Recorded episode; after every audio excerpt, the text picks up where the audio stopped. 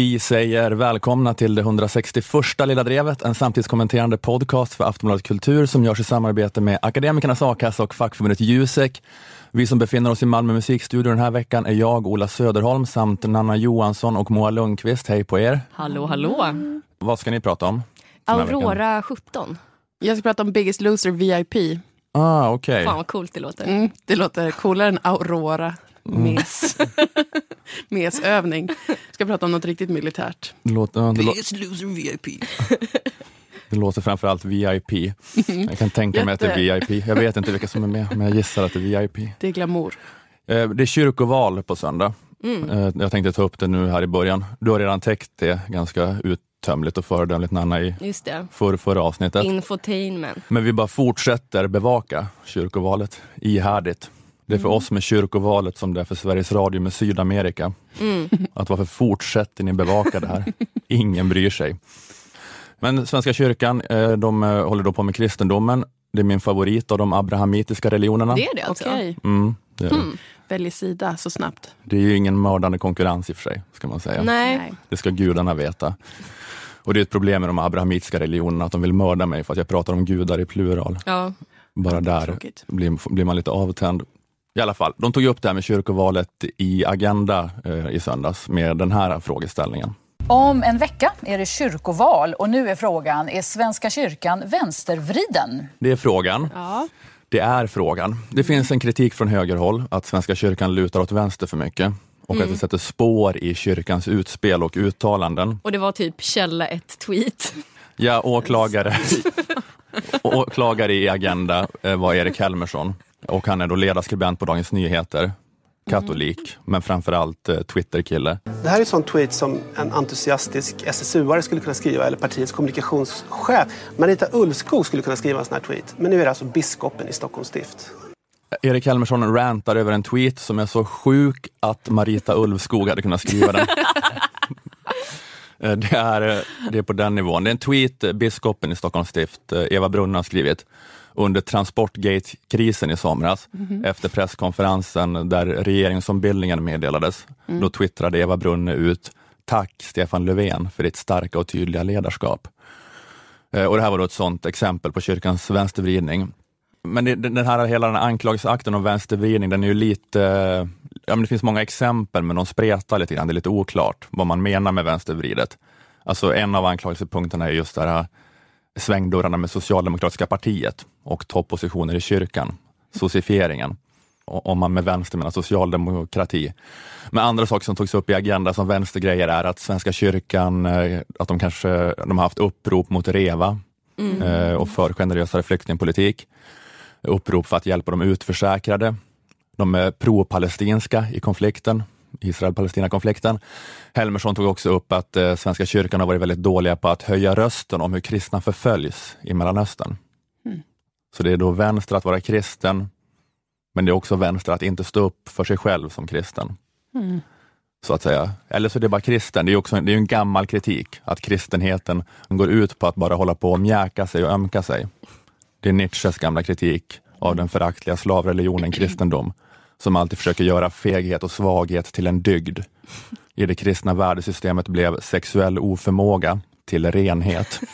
Svaghet blev godhet. Apati blev tålamod och oförmåga till hämnd blev förlåtelse. Kristendomen var enligt Nietzsche en gigantisk maskin av bittert förnekande. Eh, det här läste jag på sidan gymnasiefilosofi.se.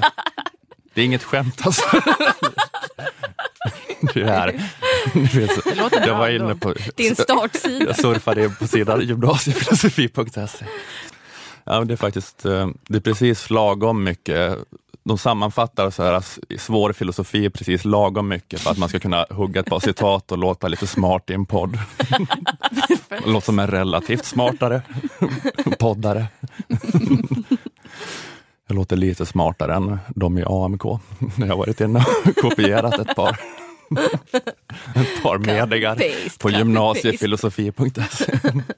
Nej, men eh, han menar väl här då att vänster, eh, att det, han kopplar det till att vara vänster här med att vara jätterädd för allt som kan tolkas som eh, kampanjande mot muslimer. Ja. Att det är det det hade varit då ifall man skulle hålla på och prata om förföljelserna i Mellanöstern och så. Ja, ja. Svenska kyrkan är kort sagt så himla vänster. Det som Erik Helmersson retoriskt frågar sin motdebattör i Agenda, prästen och socialdemokratiska kyrkopolitiken Anna-Karin Hammar. Erik Helmersson ställer den här retoriska frågan. Har kyrkan någonsin gett pengar till Timbro till exempel? Kyrkan har väl aldrig gett pengar till Timbro? Boom! Nej, precis. Bevis. I rest my case. Det hade varit kul om de skänkt pengar till Timbro. Dagens kollekt går oavkortat till tankesmedjan Timbro. Vi ber alla som samlats här till gudstjänsten att i den mån ni kan stötta tryckandet av en ny upplaga av Johan Norbergs Till världskapitalismens försvar. Nej, men jag är faktiskt här är, jag är ohederlig mot Helmersson här. Åh nej. Mm, precis, det var, jag, om jag missförstod med flit kunde jag få in en sån här bra burn. Men eh, han ställer inte den här retoriska frågan om Timbro till Anna-Karin Hammar out of the blue, utan han gör det, han raljerar på grund utav på grund av den här grejen. Eva Brunne, biskop i Stockholm, ger kollekt till tankesmedjan som startades av Helle Klein. Ehm, Alltså stiftets kollekt går till en, väldigt, en, en tankesmedja med tydlig socialdemokratisk koppling. Jaha, nu blev skämtet på henne. Mm. Ge kollekter till en tankesmedja fast på en annan. Precis, så är det alltså. Kyrkans kollekt, den ska gå till olika ledarskribenter. Så långt är alla överens. Frågan är bara, ska det vara röda eller blå ledarskribenter? Jag visste inte att det var det man gav pengar till när man Nej. lägger några kronor i ett kollekt. Ja, det är intressant. Det är det man gör varje eh, söndag på gudstjänsten, att man, ger de lön? man lyssnar så på Godmorgon världen i P1 på morgonen och hör vem i panelen som var bäst den här veckan. Ja, nu tyckte jag att Anna Dahlberg fick in några bra slängar på Göran Greider. Så nu går jag till en kyrka som ger till, till borgerliga ledarskribenter. Nej men så här säger um, Anna-Karin Hammar då om anklagelsen om att Svenska kyrkan skulle vara vänstervriden. Kyrkan är inte vänstervriden, den är inte högervriden, utan den är Kristusvriden. Mm, Jag älskar det där. Hon, hade, hon hamrade in det i varenda mening. Kristusvriden. Ett bra ord. Ja, det, var, det var hennes talking point. Hon återkom tre, fyra gånger på fem minuter. Ja, men den är Kristusvriden. Men det man tänker här lite grann är väl, eh, ens fördomar säger lite grann väl att, eh, jag menar inte Jesus vänstervriden? Och vad ska, Jo, men lite skulle jag ändå säga. vad ska kyrkan göra åt det? Mm. Skriva om Nya Testamentet, lägga till några passager om platt skatt och hårdare tag mot kriminella. Då kan man ju bara läsa Gamla Testamentet istället. Mm. Eller hur? Det finns det både det här med att alla ska betala tionde, Just det. 10 procent skatt för alla och eh, öga för öga, tand för tand. Är eh, Kristus eh, vänster? Är då frågan. Är det omotiverat att Svenska kyrkan är vänstervriden, om den är det? Eller så är det motiverat att den ska vara det för att Kristus är vänster. Och hur vänster är i så fall Kristus? Det beror såklart på definitionen av vänster. Om man med vänster menar vara snäll, Ja. så är väl Jesus vänster. ja, han var ju ganska snäll många gånger. Att vänster är att bry sig om de svaga och sånt. Och att Ja. det Det är lite så vi vänster vill paketera det. Men också, ja, men det och den här värderingen också, att det är fel att vara girig och bry sig för mycket om pengar. Det är också, det är något vänster över det, men eh, det, är ju inte, det kan ju för sig bara vara så privat moral. Alltså om man med vänster menar ha en marxistisk materialistisk världssyn. Att det inte är människans medvetande som styr varat, utan varat som styr medvetandet. Då är det kanske mer tveksamt om Jesus är så himla vänster. Ja. För att han känns mera idealistisk snarare då. Mm.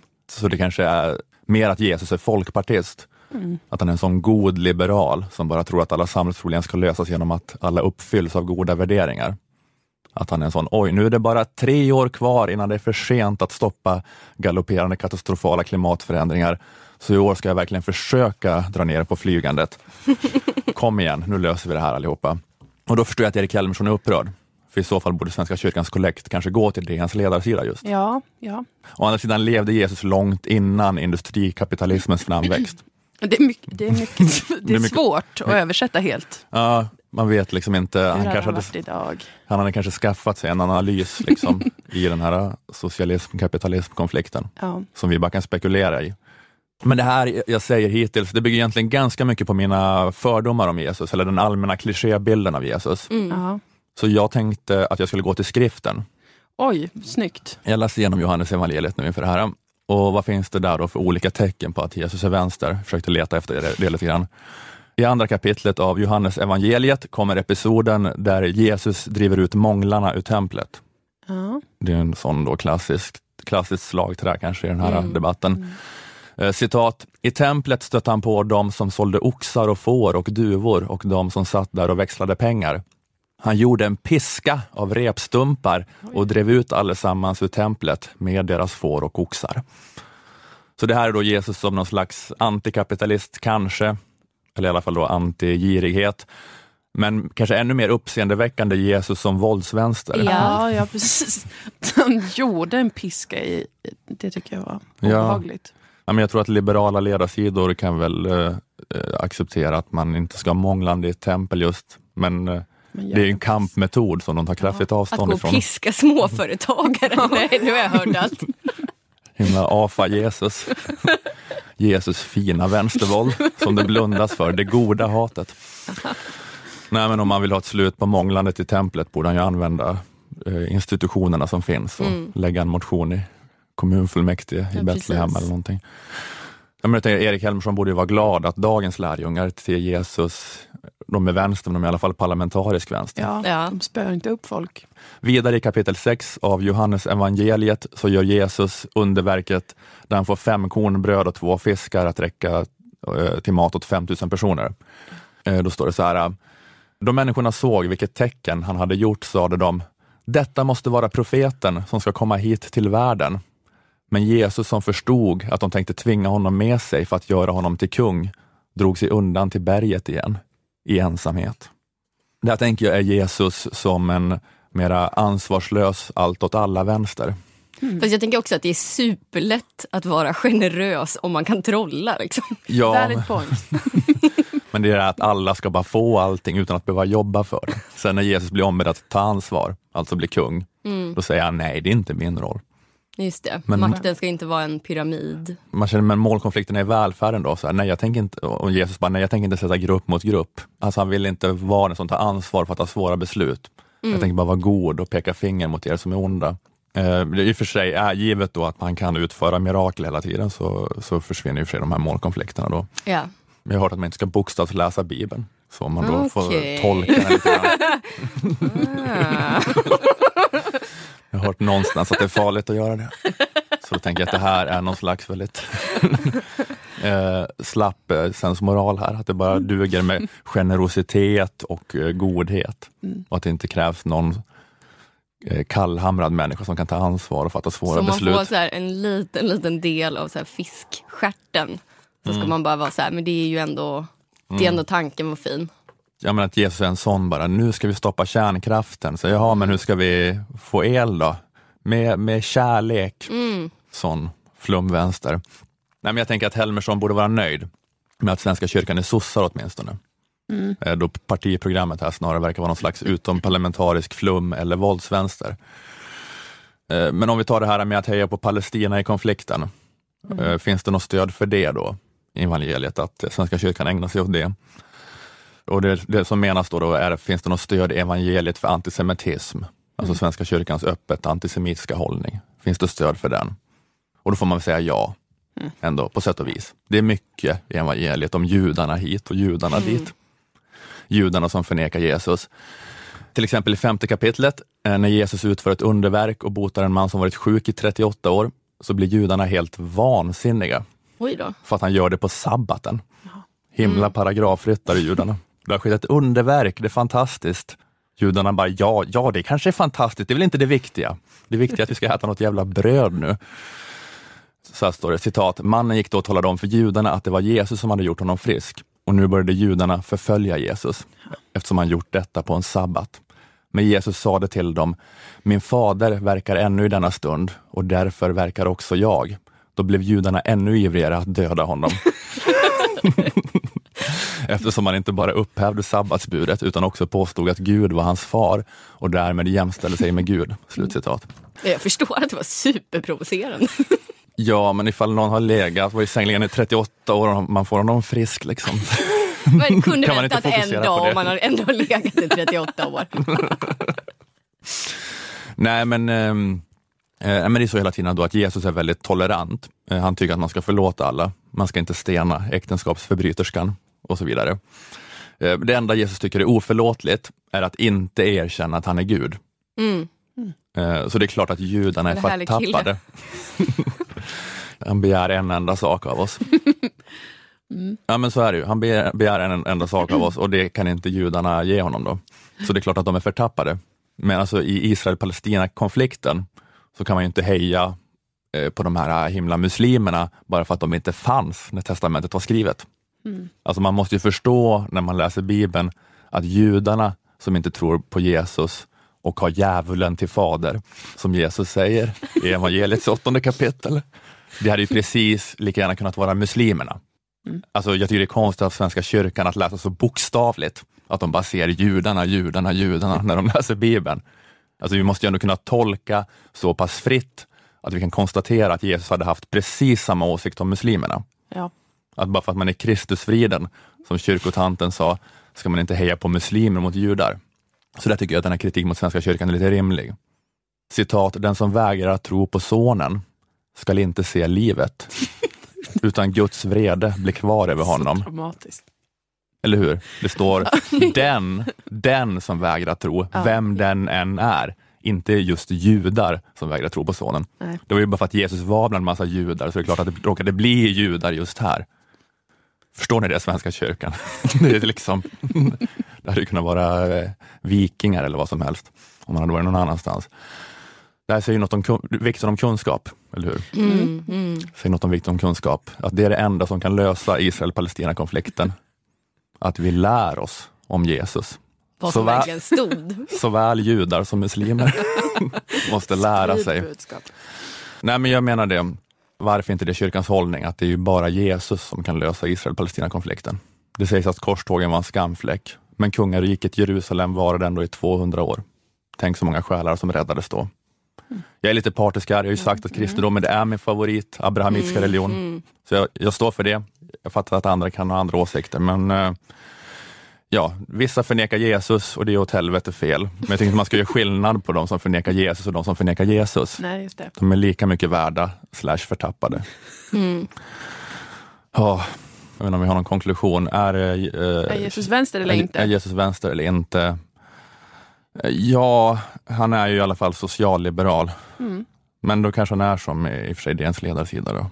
Det, det kan vara så. Som mest höger är som DNs ledarsida. Mm. Mm. Det är ett bra konkret svar. Vi landar där.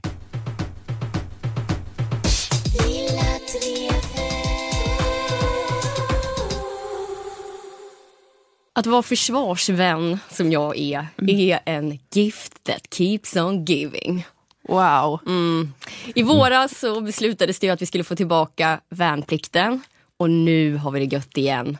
För det hålls nämligen ett superstort internationellt stridskollo här i Sverige. Yay! Det är underbart. Slumber party! Det är goda tider för dig. Ja, det, det är det verkligen. Att, eh, Eh, Men mer än något annat så är det här kollot en eh, militärövning. Aurora 17 kallas den. Och den inbegriper eh, 20 000 svenska soldater och hemvärnare eh, men också internationella gäster från bland annat Frankrike, baltländerna och USA.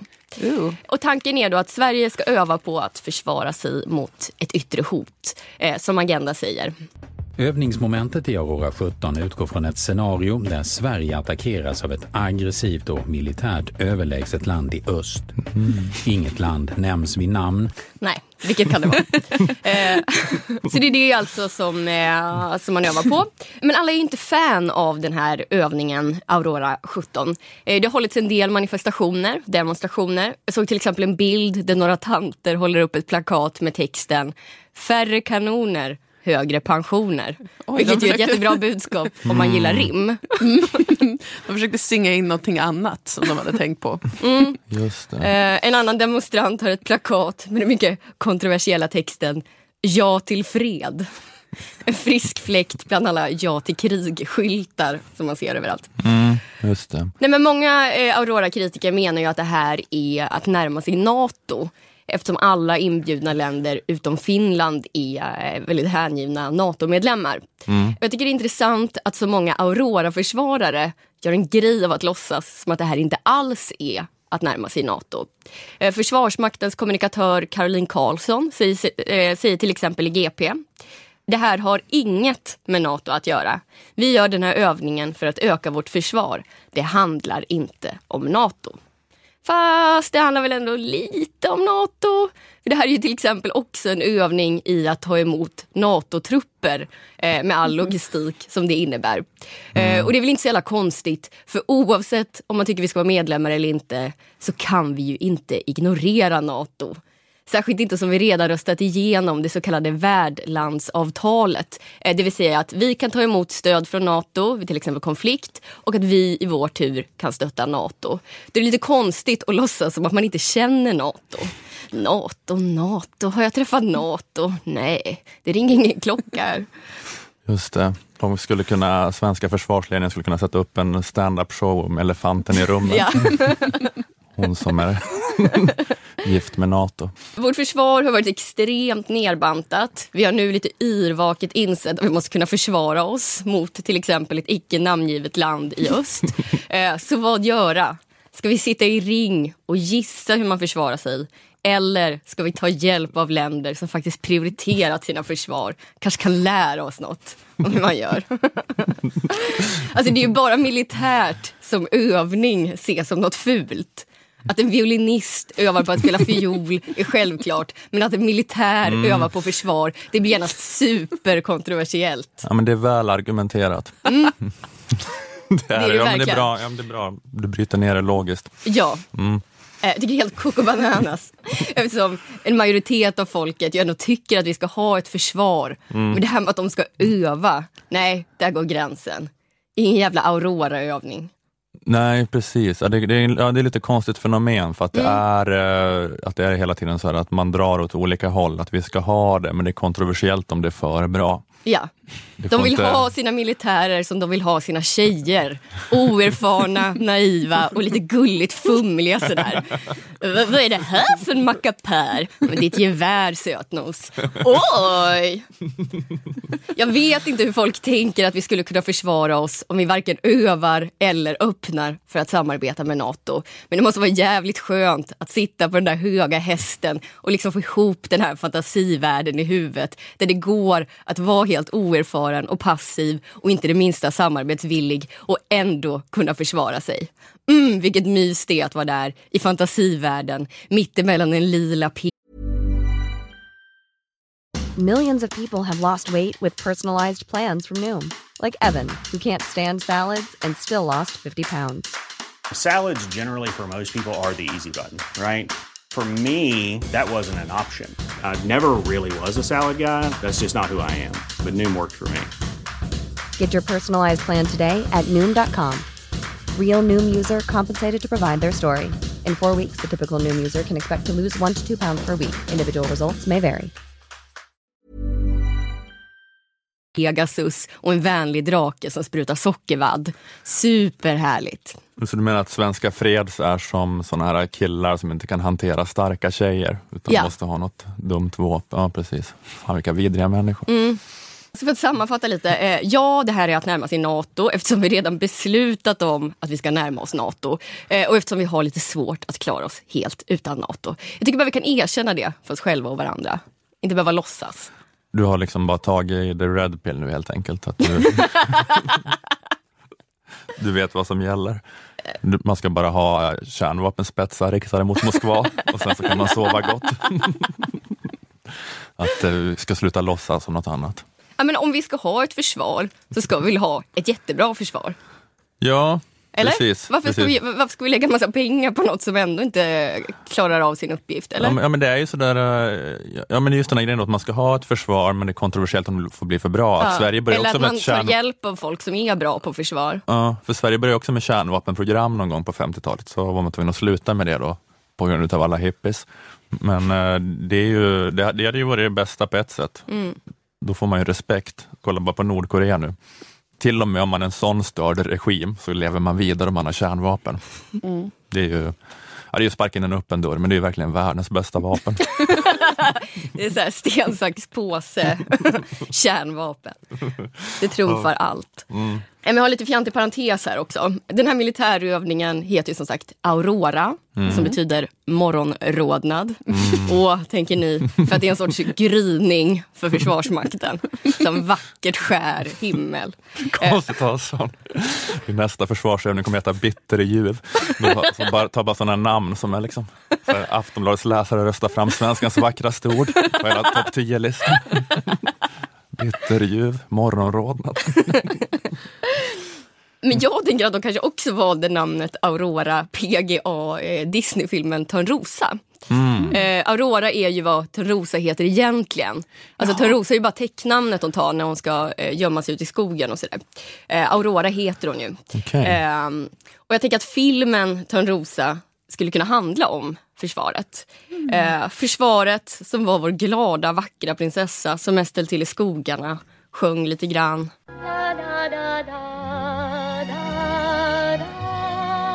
Men den onda fen, riksdagen, la en hemsk förbannelse över henne. Hon skulle rustas ner och sova i hundra år. Och hon har ju sovit länge nu, men ni vet ju hur sagan går.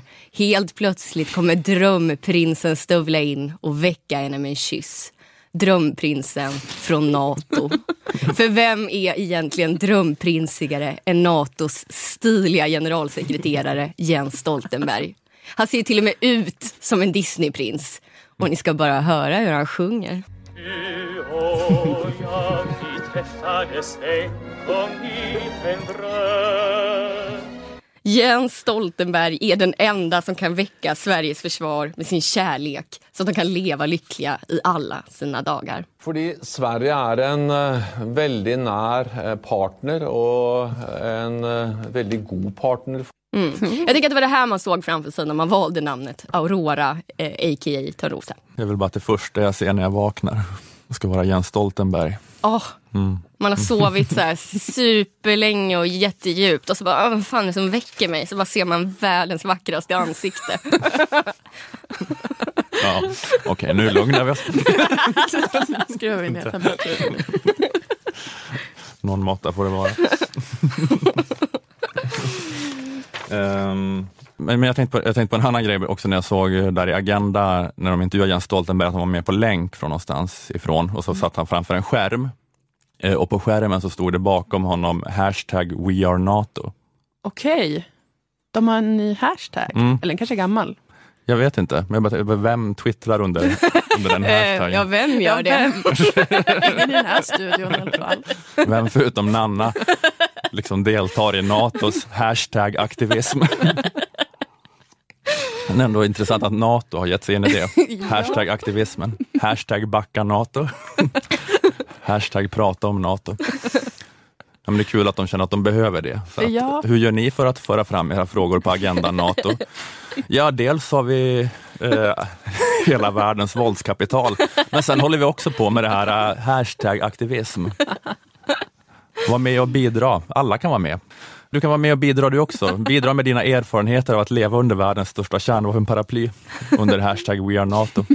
Men vad ska man skriva under hashtag We are NATO? Sådana här känslan när-skämt. Ja. Känslan när F-15-planer patrullerar luftrummet ovanför Island. GIF på någon i Parks and Recreation som gör en segerdans. hashtag, hashtag We are NATO. Känslan när Putin annekterar Krim. GIF på han i Big Bang Theory som säger It's on bitch. Hashtag We are NATO. Jättebra. Ja, jag tycker det är så jävla bra. Gud vad jag vill se det här flödet. Vi eller Nanna uppmanar alla att gå in och, och jobba där.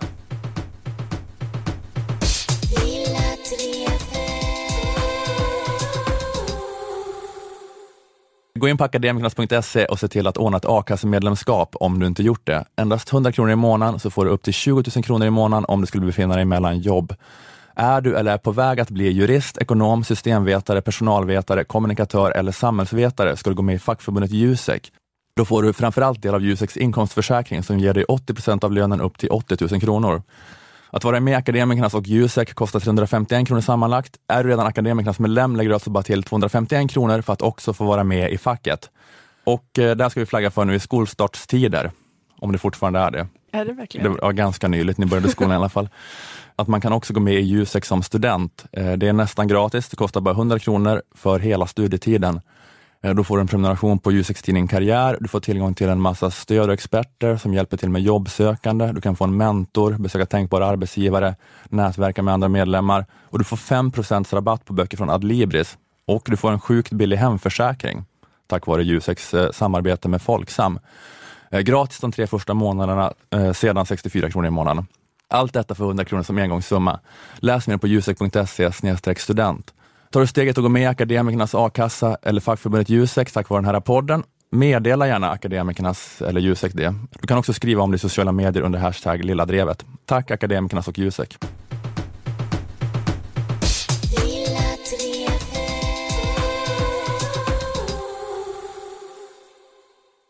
Kanal 7 firade med pompa och ståt förra veckan efter att premiären av Biggest Loser VIP visade sig vara en enorm tittarsuccé. Wow, ja, du förlorade mig redan vid kanal 7. Jag visste inte ens att det fanns en kanal 7. De tillhör TV4-gruppen. Åh, kul. Så att, för jag förstår inte hur det funkar, men det är något, på något sätt kanal 7 och de här olika. Eh, men Biggest Loser då, det är ett programkoncept som går ut på att överviktiga människor är med i en tävling, en tv-tävling, där de bor på ett ställe, ett slott, och så ska de gå ner i vikt. De tränar jättemånga, ti- 10-20 timmar om dygnet. De Oh, äter bara God. en torsk stekt i vatten och något kol äter de. Så går de ner jättemycket i vikt och den som går ner mest vinner. Precis. Och sen ett år senare det tidningsreportage om att de har gått upp i vikt Ja. igen. Det brukar det är få- alltså och mest- att tv-programmet förstörde deras ben eller något sånt där. ja, det, brukar, Att de Det är så här finns en del sådana blivit sönderbelastade.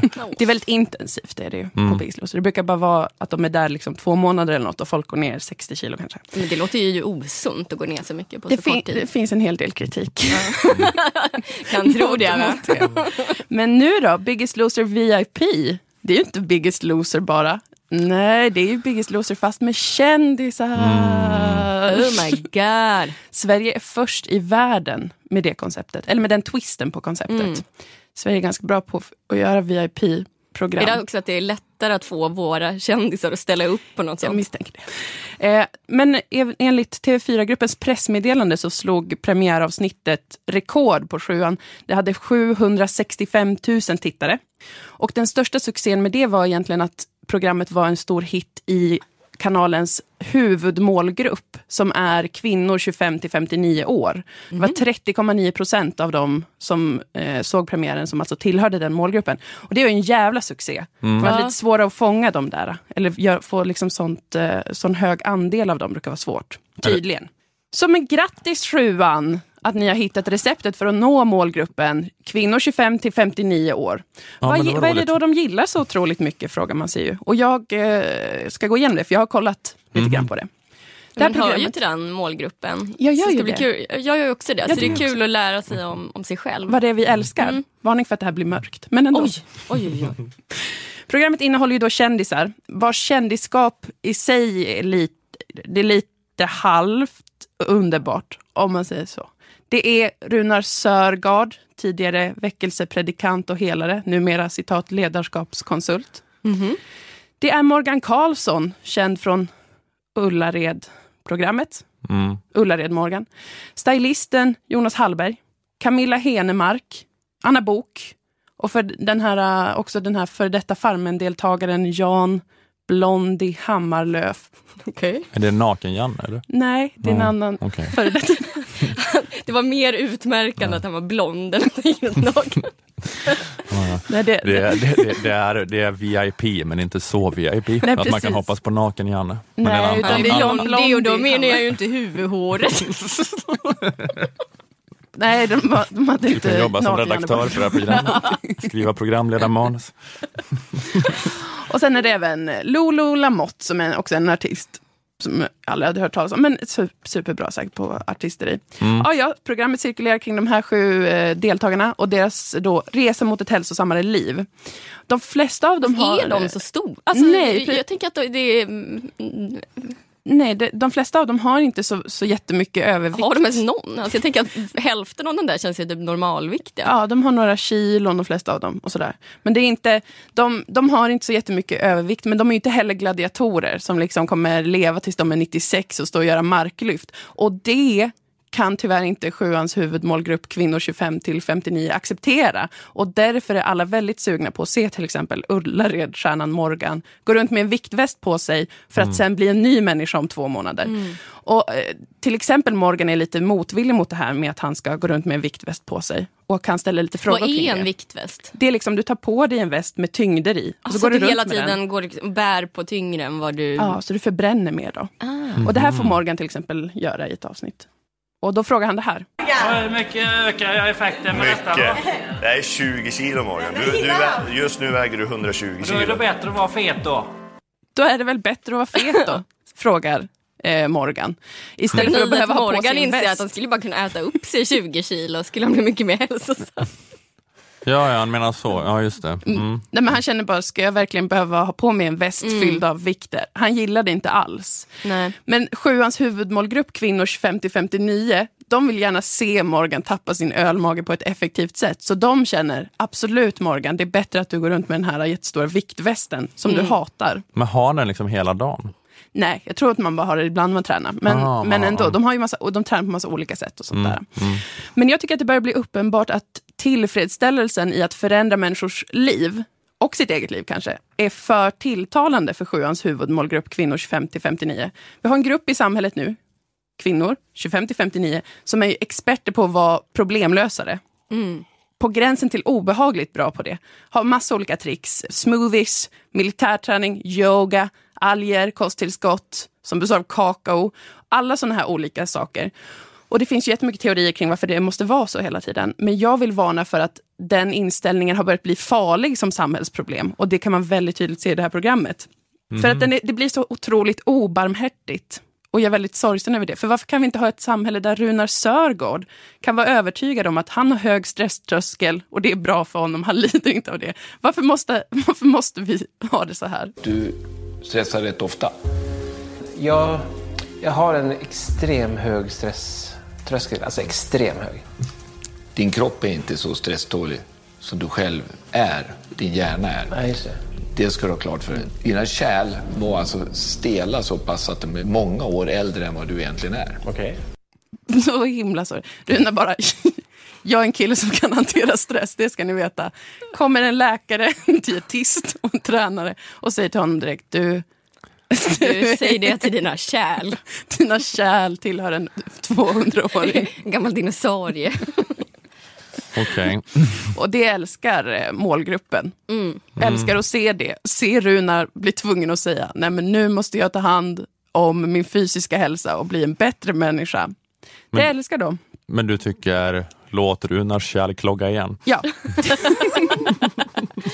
Jag tycker, låt dem klocka igen. För det är så obehagligt, VIP. Det är så sorgligt och vedervärdigt. Det greppar tag i ens själ med sin kalla, kalla klo och det vägrar släppa. Och när man, Mm. man ser det, man får så stark dödsångest att man dör i en millisekund av Oj. sorg. Så man är dö- kliniskt död när man ser det. Okej. På grund av sorgen som man behöver uppleva när man ser det här. Och för, för det är för mycket som är liksom över gränsen sorgligt. Mm. Men som tydligen kvinnor 25-59 tycker är en helt normal situation där man bara blir glad av att någon ska förbättra sitt liv. Som när till exempel den före detta då Farmen-deltagaren Blondie eh, får panikångest för att han har haft malign cancer förut och nu ska doktorn berätta om hans blodfetter och då bryter han ihop.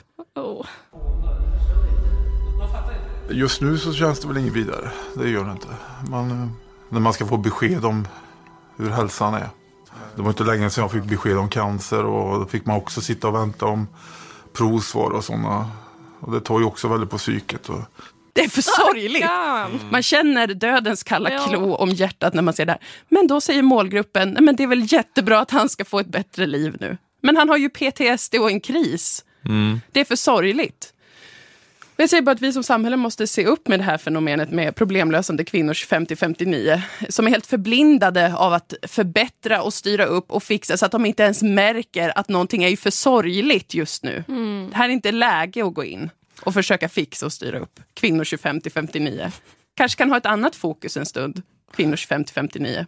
Det är såklart bara en teori, men, men om ni tänker på det så tror jag att ni kommer upptäcka att det stämmer. För det, det kommer få konsekvenser att så många i sjuans huvudmålgrupp, kvinnor 25-59, är så lösningsfokuserade, problemlösare. De lever steget före hela tiden och inget får bli fel. Och Ullared Morgan måste leva ett bättre liv, fastän han är nöjd med sitt liv. Han är ju så här. Jag har ju då hållit på med mina kor och mina aktier och trädgård och det har varit min grej. Men idrott och sånt det förstår jag mig inte på det minsta. Nej, men nu måste du det, Ullared Morgan, för att sjuans huvudmålgrupp kräver att se dig träna och få bort den där ölmagen. Jag är trött på att det ska behöva vara så. Men det är mer en allmän varning. Jag tycker också det låter supersunt att gå ut och liksom påta i trädgården, Ja, ta hand om korna. Alltså det låter jätteaktivt. Ja. Det, han, han rör sig liksom fem gånger mer än vad jag gör kan jag tänka mig. Jag tycker också att det låter jätte... Och det låter bra för själen kanske också. Mm. Sälja en aktie, ta hand om korna. Man måste väl ändå inte eh, hålla på med crossfit. Mm. Ja, just det. Men han levde lyckligt ovetande om att eh, han inte var nog smal. Ja, fram att han tills, inte var fit nog. fram tills eh, eh, den här målgruppen, då, 25 till 50, Mm. höjde rösten. Krävde att få se honom förbättra sitt liv. Mm. Det är en fruktansvärd utveckling. Men du riktar liksom kritiken ändå här då mot, eh, Mot tittarna. Mot, mot tittarna Precis, ingen kritik mot eh, k- eh, TV4-gruppen eller kanal Ja. 7 eller något sånt. Utan jag riktar kritiken mot kvinnor 25 till 59 som Mm. hela tiden är så jävla kompetenta. Försöker göra fel någon gång då och snusa lite för mycket eller något Mm. sånt. Mm. Det, är väl- det är väl inte så jävla farligt. Ja. Jag känner mig inte hemma i min huvudmålgrupp, Nej. kvinnor 25 till 59. Eh, Men det är, så det är verkligen så, det är så vemodigt. Det är så himla, sorgligt. Jag, det finns ingen gräns för hur sorgligt det är. Det är jag, jag, kan inte ens förstå att det är ett underhållningsprogram för att det är så, Nej. det är så himla, de har varit med om så himla hemska saker, flera av dem. Mm. Och de har inte läkt från de, en han, Blondie, han har haft eh, malign cancer och precis överlevt från det. Ja. Och nu ska, han, nu ska han gå upp och jogga för att bli av med sina överflödiga kilon. Och det är som uppenbart att det mesta har inte att göra med... Alltså det är ju liksom folk som har psykiska problem och typ varit med om något skithemskt. Som bara, nu ska jag äta en frukost som består av en deciliter lätt yoghurt och sen blir det en joggingtur. Vem har gått ner mest i vikt den här veckan? Det- det är sån äcklig kontrast till någonting som är så hemskt. Det är, det är ett sår, det här programmet. Mm. Vi som samhälle måste försöka, försöka hantera. Ja. Usch. Det sorgligaste som finns i hela, hela världen. Ja. Ja. Mm. Det är faktiskt det. Ja. ja, men tack. Tack för den här rapporten om det sorgligaste som finns i hela, hela världen.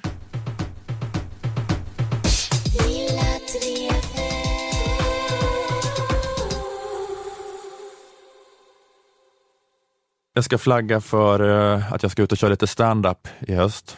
Ola Söderholm-turnén. Yeah. Gå in på olasöderholm.se.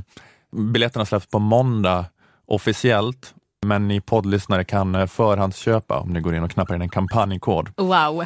Kamp kampanjkoden vinsttak. Lite roligt va? Ja. En referens till Ilmar Reepalus eh, utredning där om eh, vinsttak. Så jag vinstbegränsar min vinst på den här turnén då, genom att ge er eh, rabatt. Det är en rabattkod alltså. Stand-up comedyns Ilmar Reepalu. Bra tagline. Lite, lite tråkig, men eh, ja, det, det är vad det är. Säger lite märkliga saker om judar emellanåt. eh, nej, men eh, jag ska säga eh, turnédatumen här. Eh, det är eh, 9 november i Gävle, 10 november i Örebro, 15 november i Uppsala, 17 november i Göteborg och det är faktiskt redan slutsålt. För jag, gjorde, jag gjorde lite Instagram-reklam eh, med den här eh, kampanjkoden. Men då har vi lagt till eh, 18 november i Göteborg eh, som ett eh, extra datum. Så att eh, ni som bara lyssnar på podden och inte hänger på sociala medier hela tiden får chansen. Så 18 november i Götebo- Göteborg, sen 21 november i Jönköping, 22 november i Linköping, 23 november i Norrköping, 24 november i Stockholm och 25 november i Malmö. Eh, gå in på olasöderholm.se och använd kampanjkoden vinsttak för att köpa biljett eh, redan nu. Eh, jag släpper bok om sådär en och en halv, två veckor. Naturlig skönhet heter den. Ett seriealbum. Jag vet inte om man kan typ förhandsboka den, men den kommer i alla fall ut då. Jag kommer åka till Bokmässan och vara där på lördagen och söndagen och signera ifall det är någon som är intresserad av det. Jag och Dilan och Tora och Elvira ska göra en improföreställning i Stockholm på fredag. Nu, imorgon, när det här släpps. Just det. Cool, fredag den 22 september på Teater Alma. Nej, vänta, jag kan inga datum. Men det, jag, tror det är, 20 jag tror att det är 22 september som vi ska... Ja, det Ja, är men det. 22 september måste bli nästa fredag väl? Ja, för Ja. att den här podden släpps den här veckan. Ja, Exakt. just det. Precis. Kom på Mm. den och sen kör vi livepodd i Uppsala 23 september, jag och Dilan. På Regina Teatern. Okej, då eh, säger vi eh, tack till Aftonbladet Kultur, Akademikernas A-kassa och fackförbundet Jusek. Tack till Malmö musikstudio där vi spelade in. Jag heter Ola Söderholm, ni heter Nanna Johansson och Moa Lundqvist. Vi hörs igen om en vecka. Hej hej! Hej!